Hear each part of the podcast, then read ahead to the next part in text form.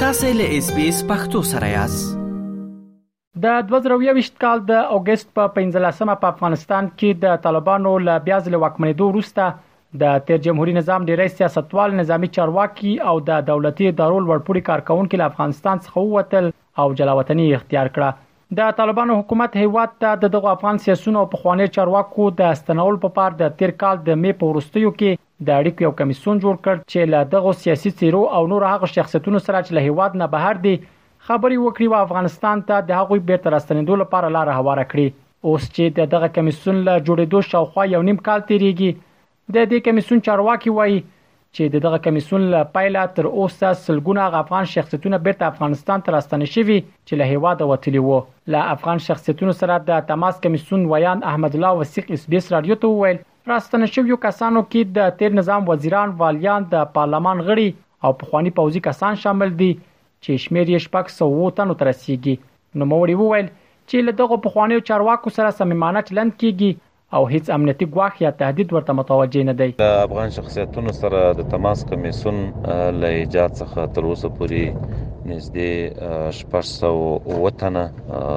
افغان شخصیتونه د تماس کمېسیون له لارې څخه خپل هیواد ته راستانه شوي دي او دلته له خپلو دوستانو او قربانو سره اوسېږي په دغو کسانو کې د هغه کسان چې په تیر نظام کې په لوړو چوکیو باندې دندې تر سره کړې وي د وزیرانو په کچه د وزارتونو معینان والیان امنیه قومندانان، پارلمان او د ولسي جرګې غړي هغه کسان چې په د پوځ په لیکو کې د استخباراتو په لیکو کې او د پولیسو په لیکو کې په لوړو چوکۍ باندې دندې تر سره کړې وي هغوی هم شامل دي او هیواد ته راستانه شوي دي دلته له دوی سره صمیمانه چلند کیږي او هیڅ نوع امنیتي ګواښ او تهدید دوی ته متوجه نه ده. له افغان شخصیتونو سره د تماس کمیسیون د تیر جمهوري نظام د لسګونو افغان شخصیتونو د بیرته راستنیدو خبره داسې مهال کوي چې تر اوسه یادو ستانه شویو کسانو، کادرونو، سیاستوال او چارواکي چې په تېر حکومت کې یې کار کړی او بېرته هېواد ته راستانه شوي، د طالبانو سرپرست حکومت یې د دندې ورکولو په اړه څرګند څه نه دي ویلي. د طالبانو د تماس کمېسیون ویاند هم وايي، چې په اوس وخت کې راستانه شویو کسانو ته په حکومتي چوکاټ کې د دندې ورکولو ژمنه نه ورکوي، خو وړتیا او اړتیا ته په کتو ښايي په راتلونکي کې په دندو وګمارل شي. اوس د ستې په لکونو مامرین د تېر نظام چې په وخت کې دندې ترسره کړې اوس هم په خپلو دندو باندې پاته دي، دوی سره صمیمانه چلند کېږي، هېڅ توپیري چلند نشته او نه کوم ګواښ ورته متوجه ده، ولې هغه کسان چې خپلې دندې یې په خپله پرېښې دي او له هېواد څخه وتلي دي د بیرته راتګ په وخت کې دوی ته دا وعده نه ورکول کیږي چې دوی به حتما یا په دې شرط باندې هیواد ته دوی راځي چې بیا به دوی ته دندې ورکول کیږي خو حکومت د خلکو او د مامورینو یا د شخصیتونو وړتیا او اهلیت او ژمنتیا ته په کتو سره کېدای شي په دندو باندې وګمارل شي خو وعده نه ورکول کیږي په تیر جمهوریت نظام کې د ولسی جرګې غړی کمال ناصر اصیلی یو له هغو کسانو دی چې د طالبانو سرپرست حکومت له خوا افغان شخصیتونو سره د تماس کمیسیون له لارې هیواد ته راغلی. نوموړي له اس بي اس راډیو سره په خبرو کې وویل، اوس هم هیواد ته تګ راتګ لري او په خبره یې تر اوسه له کومې پېښې سره نه ده مخ شوی، خو ښاغلی اصولي په افغانستان کې د اساسي قانون نشتون، د ښځینه زده کړو بندېدل او د کار نشتوالی د شته ستونزو اصلي لامل بولي. زه خپل هیواد ته ځم او راځم، همدلته اوسیږم، همدا مې ځای ده، زه په همدې خلکو ښایسته یم، په همدې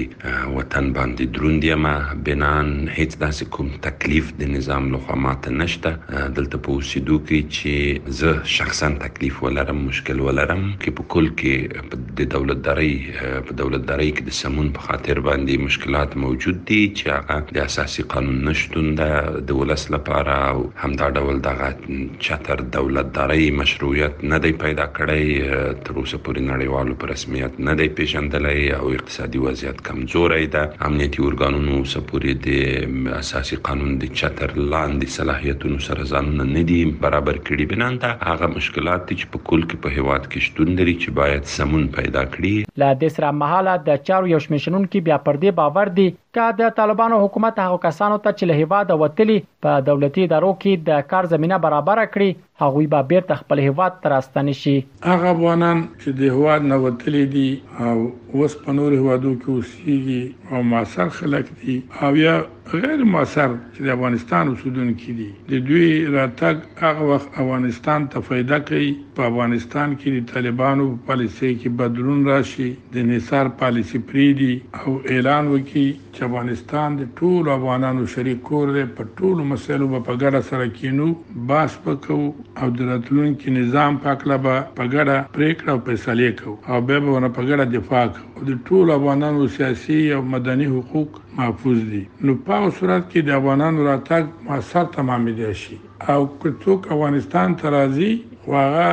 نه سیاسي حقوق محفوظ وي او نه مدني حقوق محفوظ وي او نه په د هواد د سرنوشت او د نظام پکله ورسره بس کولو اختیار نه وي اجازه ورته نه وي نو د هغوی موثروالی به په څه کې ثابت شي طالبان باید افغانستان د ټولو افغانانو شریک کور وبولي او د ټولو افغانانو سره په ګډه د هیواد د آینده په اړه فکر وکړي. د طالبانو سرپرست حکومت داسې مهال افغانستان ته د لسګونو پخوانیو څېرو او بېلابېلو چارواکو د راستنېدو خبره کوي